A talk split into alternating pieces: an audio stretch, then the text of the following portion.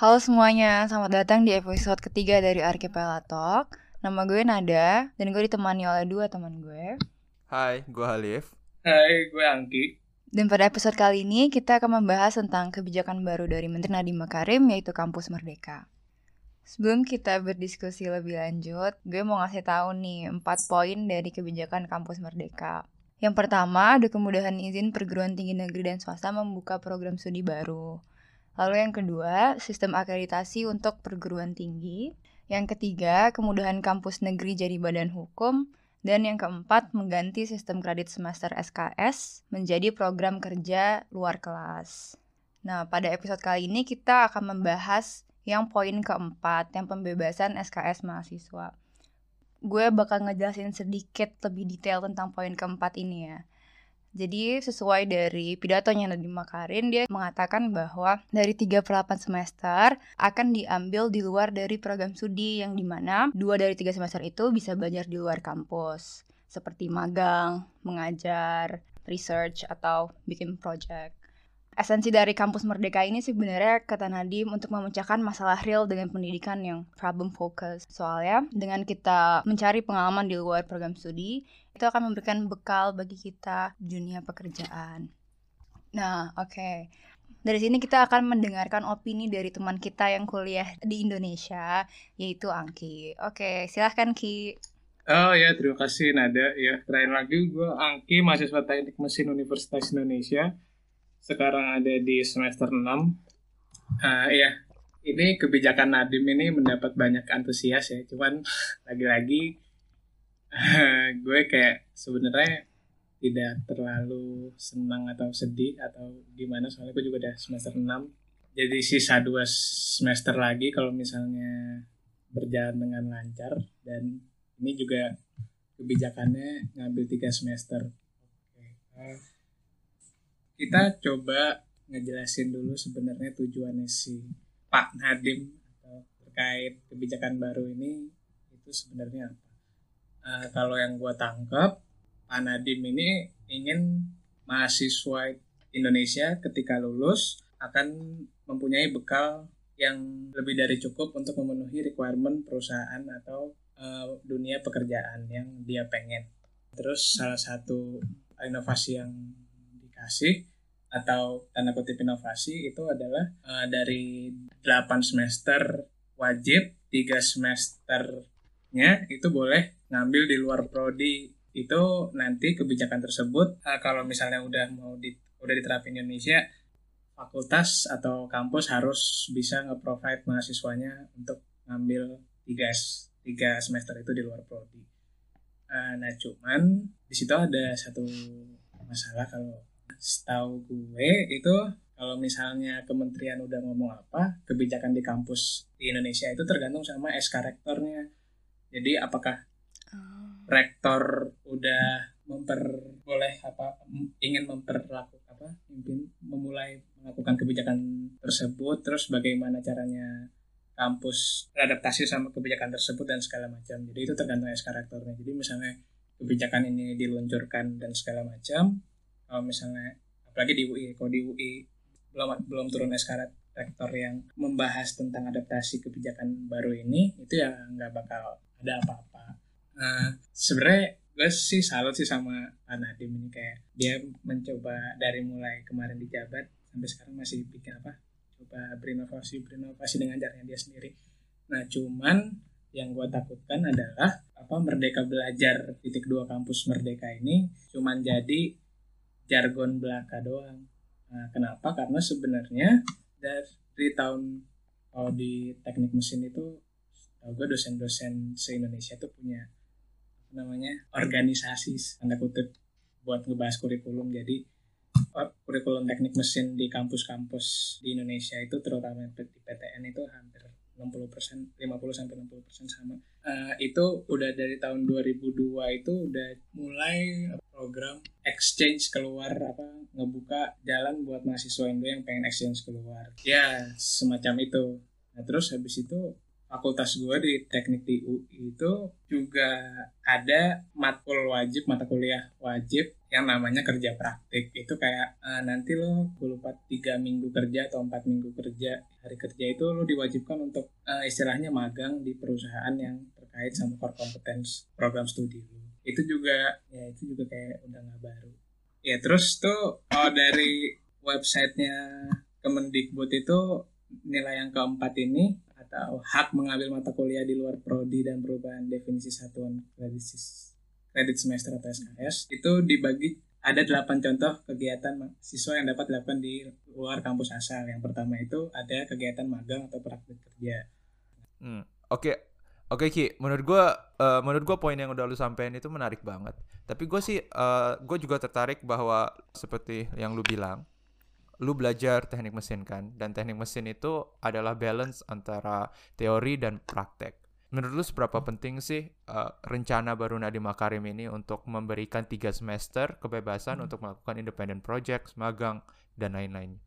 Ya tadi penting atau enggak ini sebenarnya kalau di hmm, kampus gue ini sebenarnya udah dilakukan oleh rancang kurikulum, dosen dan juga mahasiswanya. Kayak misalnya beberapa beberapa teman gue itu udah ada yang magang di perusahaan macam-macam sesuai dengan core kompeten terus gue sendiri kayak udah uh, melakukan apa ya ini proses pengajaran di luar kuliah. Tapi ya uh, magang dan apa proses mengajar di luar kuliah yang gue lakukan dan teman-teman gue lakukan ini nggak masuk dalam SKS pendapat gue adalah mungkin uh, tim kurikulum dosen itu menganggap bahwa ada materi-materi yang lebih penting yang harus diajarin di dalam kelas. Jadi teori teori-teori yang mereka rasa penting untuk apa belajar di dalam kelas. Kayak misalnya jadi lu lebih siap gitu buat di lapangan dan segala macam.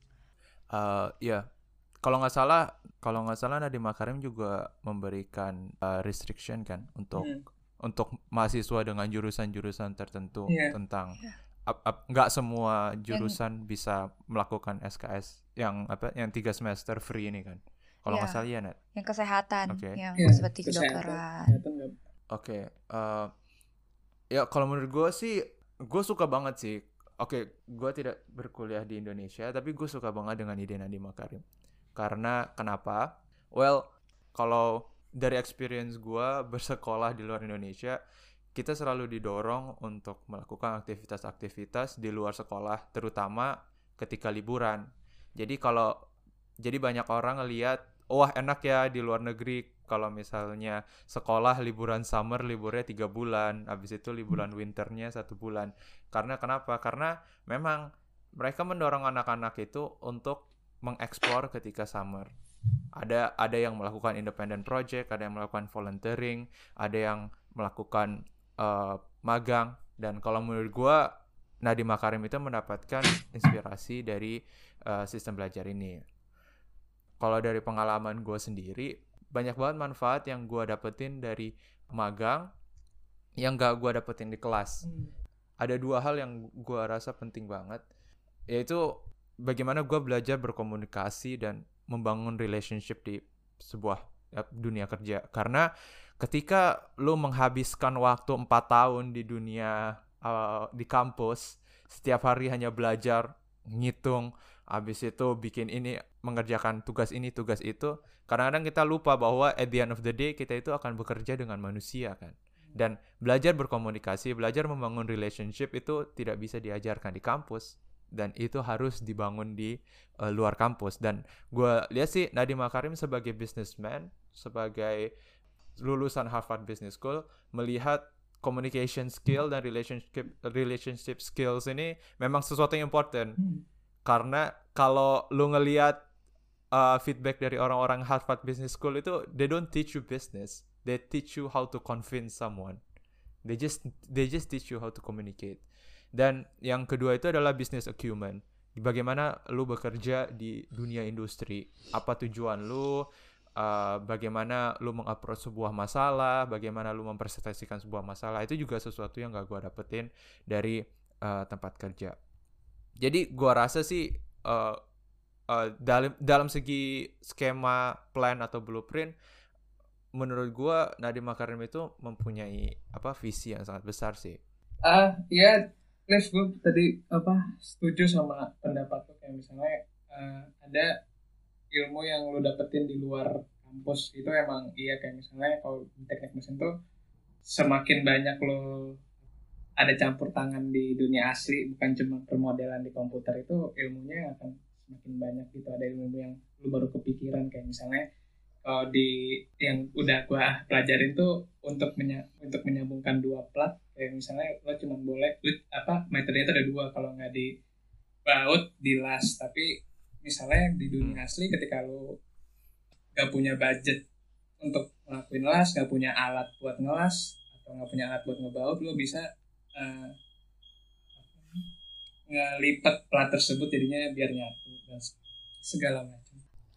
Ya kalau gue sih ngerasa yang gue ngerasa hal yang sama ketika lu masuk ke dunia praktek semua teori itu berubah menjadi uh, apa campuran hmm. yang berbeda sih. Nggak kita nggak bisa 100% memfollow teori. Hmm. Teori itu hanya menjadi apa bagian dari analisis yang lebih besar.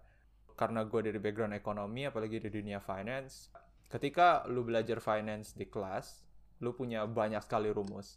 Tapi ketika lu masuk ke dunia industri, rumus dan teori itu hanyalah sebagian kecil -hmm. karena di dunia asli itu informasinya kan nggak lengkap nggak kayak yang kita diberikan apa kayak ujian informasinya semuanya di sana kadang-kadang kita nggak tahu gimana cara mencari informasi tersebut informasinya dari mana asumsi yang kita buat apa dan lain sebagainya dan lain hmm. sebagainya dan menurut gue sih itu apa hal yang hal yang sangat penting yang di, yang harus dipelajari di luar sekolah di luar universitas di luar kelas dan juga ketika magang dan lain-lain menurut lu gimana Nat?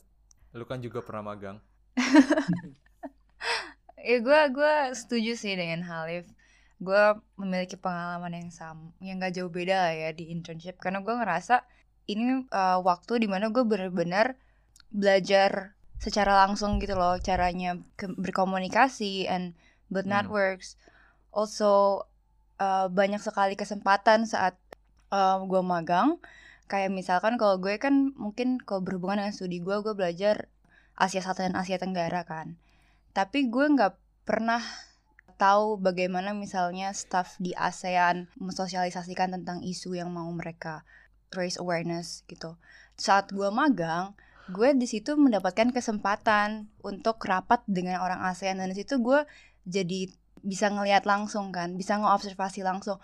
Oh gini loh orang or, these actors yang dari lembaga misalkan seperti ASEAN gitu menyampaikan hal-hal yang gue cuman belajar melalui textbook, cuman gue baca melalui jurnal-jurnal tapi nggak pernah tahu di kehidupan nyatanya kayak di prakteknya tuh gimana hal-hal ini diimplementasikan gitu. Jadi dengan magang, dengan memiliki pengalaman di luar kampus, itu juga membuka kesempatan yang lebih besar untuk lo bisa belajar banyak hal yang gak lo dapetin di kampus ya belajar ini sih lebih ke kalau untuk diri sendiri uh, lo kan di sini nggak ada guru ya nggak ada yang kayak ya nih lo kerjain assignment guideline-nya gini gini gini. Tapi lo harus kayak gimana cara lo memposisikan diri lo gitu. Belajar banyak tentang diri sendiri juga kayak oh gue kalau sama bos gue memposisikan diri gue berkomunikasinya kayak gini kalau sama kolega gue seperti apa. And then also uh, belajar untuk proaktif sih. Kan kita dari university ya nggak tahu banyak kan tentang dunia pekerjaan. Jadi gimana caranya kita ngagain informasi itu? Ya kita harus proaktif dan juga harus mau terus nanya dan lain-lain. And it's not easy karena mungkin terkadang kalau di university kita bisa aja nanya ke temen gitu. Ya misalnya dalam proses belajarnya tuh nggak hanya di textbook gitu. Jadi kita harus terjun langsung. Lebih inisiatif gitu kalau misalkan diajakin rapat kayak lo nggak ngerti apa apa tapi ya udah just be there dengerin kayak oh gini karena lo juga pasti belajar banyak juga gitu loh hanya dari mengamati dan mendengarkan orang-orang yang jauh punya pengalaman lebih banyak dari lo menurut lo uh, Nat dan yeah. Anti juga uh, apa oke okay, itu one thing kita belajar belajar belajar hmm. di dunia magang hmm. uh, tapi menurut gue sih ada juga sih satu yang kayak sangat-sangat penting yaitu bagaimana caranya kita actually uh, bernegosiasi untuk diri kita sendiri di dunia kerja. Jadi Iya, iya. kalau oke, penting. kalau gue tuh gue tuh selalu membayangkan bahwa dunia kerja itu akan seperti uh, Netflix series Suits. Mhm. Karena itu karena seperti itulah dunia kerja. Maksudnya setiap Iya. orang tuh nggak akan nggak akan seperti kayak kuliah kan. Oh, kayak ada temen yang bakal nyeport Hmm. lu like, Iya, iya, iya. of Terus habis itu ada guru-guru yang bakal ngebantu lu. Ketika lu di dunia kerja, itu semua hilang. Semua adalah kompetisi dan itu apa namanya? Bagaimana cara lu membangun uh, skill lu dalam apa? bernegosiasi.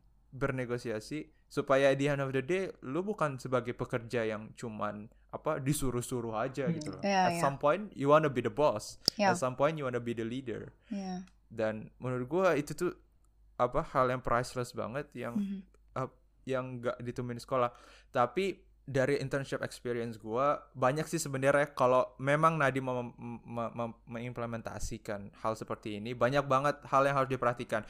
Karena i- apa internship harus ditreat seperti pekerja yang sama eh, seperti pekerja yang bekerja di sana kan. Lu harus memperhatikan tentang health safety mereka eh, pay, eh, apa gaji yang dibayar dengan perusahaan tugas-tugas yang bisa diberikan kepada mereka waktu lembur banyak banget regulasinya. Kalau misalnya menurut gua Nadim ingin mengintegrasikan dunia industri dengan dunia uh, pelajar ya. Iya. karena lu nggak belajar nggak ada dunia belajar yang mengharuskan lu kerja di kantor sampai jam 2 tapi kalau misalnya lu kerja di law firm atau di big Hmm. corporate firms eh, in the big four then you might stay up until like one or two or three o'clock should yeah. we do it to the Sure. internship like I'm not sure Iya. Uh, Itu harus diperhatikan Ki- juga sih.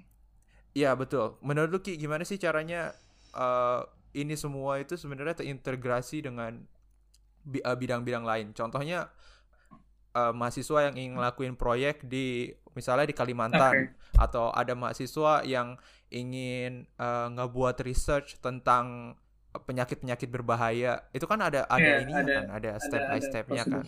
Menurut lu ah, menurut menurut lu gimana nih kalau ada sistem kayak gitu? Eh, kalau ada sistem kayak gini sebenarnya ini jadi apa hal positif ya karena kalau di UI sendiri sebenarnya eh, dan gue yakin toolsnya itu udah ada buat ngakuin magang, buat ngakuin eh, research dan volunteer dan segala macam dan apa perusahaan di Indonesia juga ada beberapa yang di waktu summer itu di bulan waktu libur Juni sampai September tuh ngebuka eh, lowongan internship.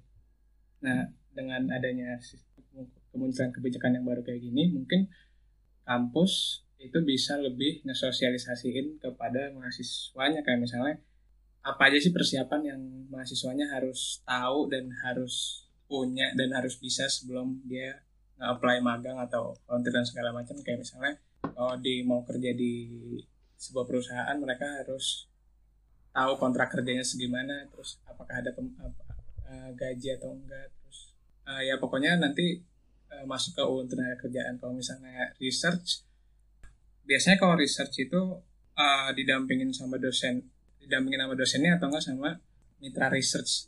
Misalnya di sungai di sungai di Indonesia eh, perusahaan Jepang lagi tes solar panel yang mereka mau buat terus mereka ngelakuin mitra itu sama kampus tertentu nah itu kampus itu jadi bisa lebih ngesosialisasiin gitu sih Lev kalau menurut gue Hmm. ke Oke. mahasiswanya jadi jadi itu seakan-akan tuh eh, apa ya kalau yang gue dan teman-teman gue rasakan tuh teman-teman gue di kampus gue tuh ngerasain kayak hmm sebenarnya kayaknya kebijakan ini tuh udah bisa diterapin deh eh, di apa di kampus kita cuman kalau di kampus lain mungkin nggak tahu sih tapi harusnya sih udah bisa Iya, gitu. beda-beda ya. ya beda-beda kayak misalnya eh, mungkin yang lebih gua khawatirin dari kebijakan ini itu kan eh, sumber daya pengajar dan apa istilahnya pembimbing mahasiswa di setiap dosen kan beda-beda Hmm. gas semua eh, gua, gua tanpa mendiskreditkan siapa pun pembimbing atau pengajar mahasiswa di kampus kampus di Indonesia tuh punya standar yang apa standar yang mencukupi lah. Maksudnya mencukupi buat ngebimbing mahasiswanya buat ngelakuin proyek dalam skala tertentu dan segala macam dan gue takutnya malah ada yang kayak hmm, tapi ini sih harusnya nggak ada sih. Malah ada kayak kampus yang oh dengan adanya ini oh, ayo kita magang tapi ayo kita ngedorong mahasiswa kita untuk magang. Terus persoalan persoalan yang eh, berhubungan dengan safety mahasiswanya nggak di urusin sama sekali. Cuman buat bikin kebijakan ini berjalan kayaknya nggak akan sih Tapi ya itu menarik juga sih sebenarnya karena uh, apa namanya at the end of the day memang itu memberikan yang gua notice dari apa yang lu bilang tadi itu adalah tentang discrepancy kan. Maksudnya kita juga Iya. concern bahwa kampus di Indonesia itu bukan cuma UI dan ITB, Hmm. banyak kampus di luar sana Iya. di apa namanya di 33 provinsi kita tidak tahu kesiapan semua ini kira-kira udah siap belum untuk mengemban ide apa vis visionary Hmm. dari Nadim ini. Iya. Tapi itu lebih kepada implementasi sih bagaimana Hmm. eh, apa strategic planningnya Nadim dalam mengimplementasikan Iya, ini. benar benar benar Dan kalau menurut gue satu yang menarik itu adalah gimana Nadim memberikan ruang tiga semester itu untuk lo ngebuat salah. Kalian ngelihatnya kayak begitu gak sih? Kayak dengan adanya lu ketika Iya. lu diberikan kebebasan untuk memilih proyek magang entrepreneurship, which means that uh, apa Nadim doesn't expect you to be successful in that, right? I mean, they just Yeah. expect you to explore go on practice and macam. Mhm. explore and makes mistake and then like correct those mistakes so that you will be better prepared. Menurut Iya. kalian gimana tentang membuat salah di dunia praktek? Menurut gue kayak membuat salah is a part of your learning process. Dengan adanya kebijakan baru ini, kita kan jadi lebih bisa nge-explore ya, lebih bisa kan nggak kan pilihannya nggak cuma magang aja, tapi bisa yang lain-lain juga, bisa volunteer, bisa bikin bah- bahkan bisa bikin bisnis gitu.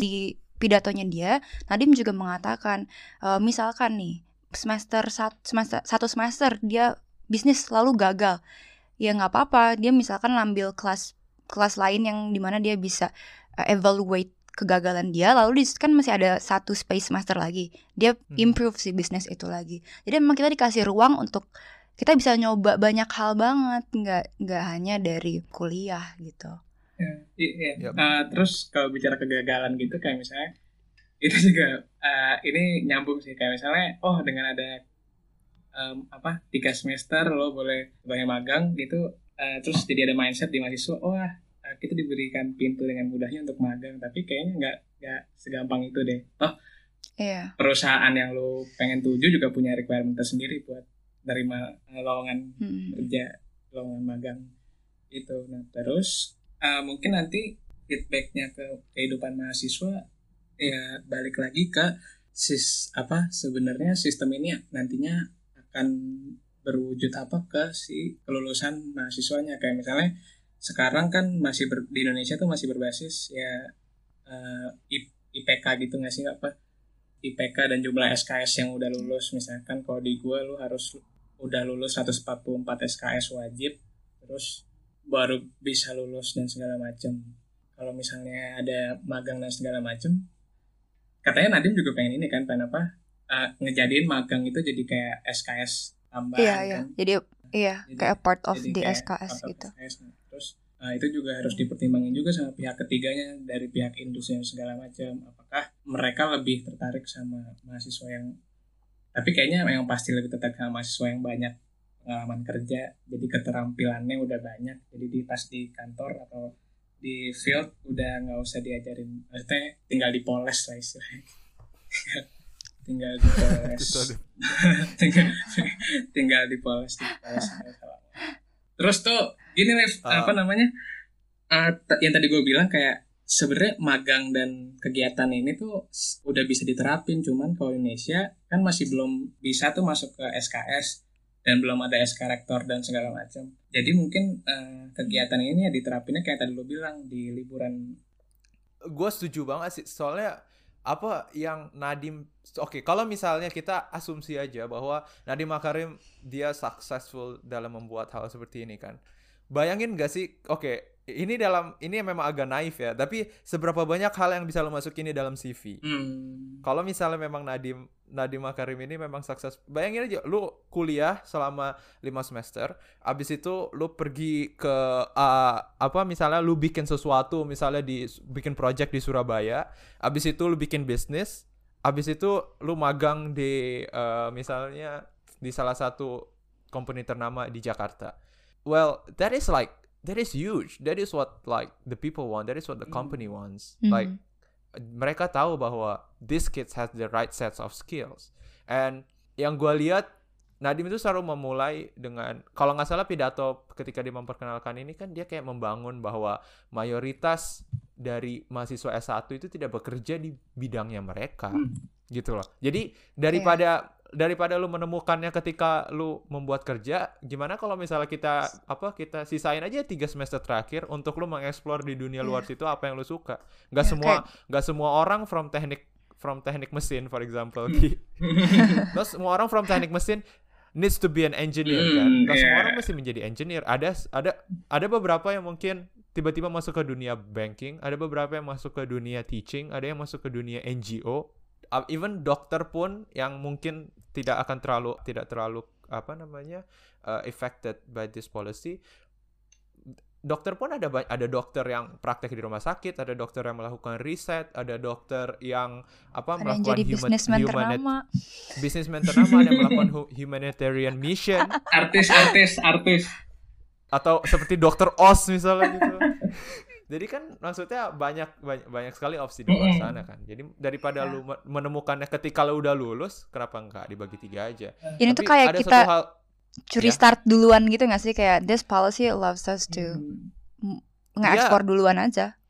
Iya dan dan S1 itu adalah waktu yang sangat baik kan karena ketika lu S1 lu umur lu masih 21 dan ketika lu salah pun lu nggak nggak akan terpunish. Maksudnya lu masih you have a lifetime to correct that. Hmm. oke Dan menurut gua ya menurut gue sih itu sih yang kalau gue lihat dari visi si Nadim itu menurut kalian gimana? Hmm. Oh, kalau menurut gue ini sebenarnya mungkin eh, kecemasan atau ketakutan eh, beberapa orang atau instansi negara apa dengan pernyataan gue itu lebih ke ini sih kayak misalnya di Indonesia tuh mungkin eh, masih eh, orang-orang tuh berharap sama pembangunan kayak pembangunan infrastruktur, in- pembangunan eh, ekonomi dan kesejahteraan rakyat dan segala macam.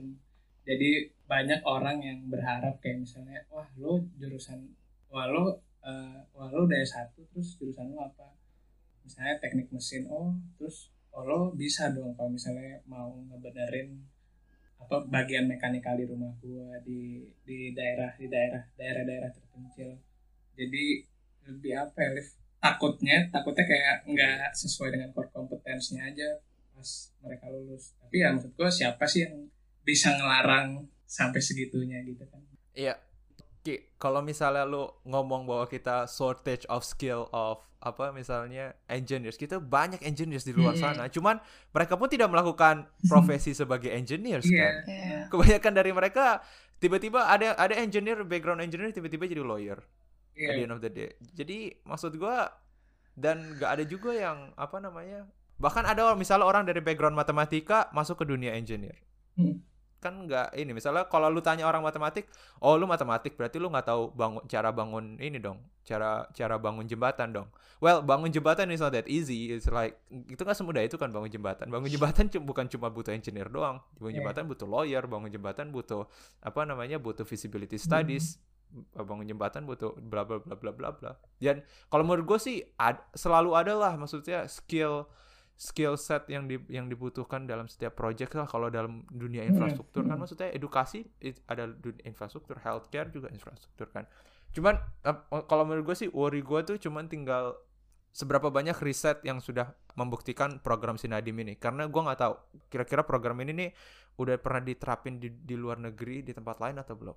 Karena kalau nggak ada riset sama aja Nadim istilahnya seperti melakukan eksperimen tren- kepada jutaan mahasiswa Indonesia yang akan eh, yang akan istilahnya ini masa depan lu loh yang Oh. akan ter, ter- apa ter, ter, terefek gua nggak tahu seberapa jauh Nadiem Makarim sudah seberapa jauh plan Nadiem Makarim atau project Nadiem, Makarim ini ini di Guys. backup sama data Kalau ini bukan riset sih ya, cuman ini kayak what I observe gitu di Belanda. Kalau di Belanda kan perguru perguruan tinggi um, tertiary education kan ada dua kan, universitas sama hogeschool. Hogeschool lebih praktikal. Nah di hogeschool itu itu eh, lumayan mirip dengan kebijakan ini, di mana teman-teman gue yang di hogeschool tuh mereka harus internship dua kali. Jadi internship dua kali sama satu kali bisa exchange. Hmm. Itu kan mirip sama kayak tiga per per 8 semester lo ambil SKS di luar sekolah gitu kan. I mean, kalau itu dari Belanda ada sih yang kayak menerapkan kebijakan itu gitu. Hmm. Ya tadi ketakutan-ketakutan itu sebenarnya bisa kebijakan yang baru ini kayak misalnya lo uh, dengan dengan seringnya lo turun ke lapangan jadi lo bisa membayangkan gitu lo tuh bisa ngapain Hmm.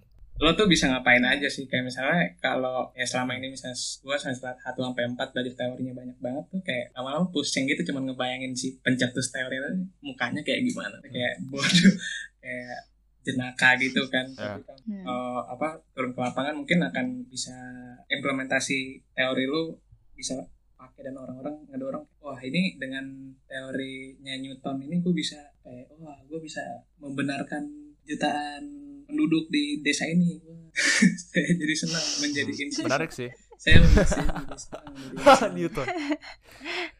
Hmm, it, oh, oke sebenarnya itu menarik banget Ki. Kalau menurut gue itu menarik banget. Karena oke kita sekarang kan ngomong masalah S1 kan. Kita nggak tahu apa yang akan Nadim lakukan di Iya. S2 atau S3 Iya. kan. Karena kalau lu cuma mau belajar, kalau lu ke universitas cuma untuk mau belajar, lu masih punya misalnya chance untuk ngelakuin S2 atau S3. Kalau misalnya oh lu mau butuh belajar lagi nih tentang teknik sipil bagian khusus bagian terowongan gitu misalnya. Lu, lu punya chance lagi untuk belajar itu di S2. Gua nggak tahu nih plan plan apa dia akan yang akan dia lakuin ke S2 atau S3 tapi menurut gua sih itu penting banget karena apa namanya kalau dia ngorbanin tiga semester otomatis kan harusnya eh, nanti S2-nya mungkin lebih terfokuskan Iya. kah? Atau S2-nya lebih panjang kah? Tambah tiga semester di S2 kah kalau misalnya ini.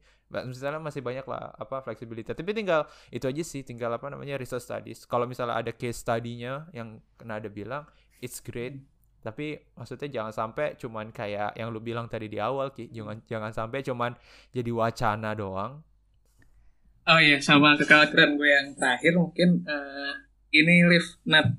Gue takutnya ada kuasaan kuasaan pihak ketiga yang terlalu mendominasi proyek ini kayak jadi ada pihak yang apa ya mengambil keuntungan buat dirinya sendiri gitu loh. Dengan ada yang magang ini misalnya Kayak eksploitasi Iya, tenaga kayak kerja eksploitasi gitu. tenaga kerja. Terus gue juga sangat berharap kampus itu juga mensupport mensupport hak-hak yang harus dipenuhi sama mahasiswanya. Kayak misalnya gue magang di perusahaan tertentu terus gue di perusahaan tertentu ngelakuin kekerasan seksual sama pegawai lain. Nah, itu nah terus ya gue sih pengen kampus gue ya emang ngebenerin gitu misalnya jangan cuman meninggikan nama baik kampus Oh. Kalau misalkan di kampusnya ngajarin buat nggak boleh ngelakuin kekerasan seksual dan segala macam yang dilarang ya emang bilang aja kayak gitu emang itu itu salah gue aja sebagai pekerja soalnya kayak banyak Oh, ngerti ngerti ngerti. kasus Kayak banyak kasus yang iya melakukan hal tersebut tapi masih bawa-bawa nama kampus mm-mm, gitu ya. terus nama Masih iya, kayak kampus berusaha menjaga untuk nama baik me- menjaga nama baiknya iya. karena dia anak di kampus itu gitu ya. iya Oke, oke semuanya. Menurut kami sebagai mahasiswa kita sangat antusias sih dengan uh, project baru dari Nadiem Makarim ini. Dan ini merupakan suatu revolusi yang kalau misalnya memang berhasil akan tercatat di sejarah Indonesia. Tapi masih banyak masih banyak sekali hal yang mesti kita selesaikan. Mulai dari permasalahan biaya, permasalahan health and safety, permasalahan protections dan permasalahan permasalahan teknis lainnya. Dan juga bagaimana eh, efeknya kepada sistem belajar S2 dan S3 karena ini merupa- bukan merupakan perubahan yang kecil nih perubahan yang besar yang melingkup banyak sekali eh, sektor. Oke, mungkin kita cukupkan sampai di sana aja. Kalau kalian mempunyai saran atau kritik atau komen, silakan kirim ke kita. Sampai jumpa lagi di episode Archipelago lainnya. See you.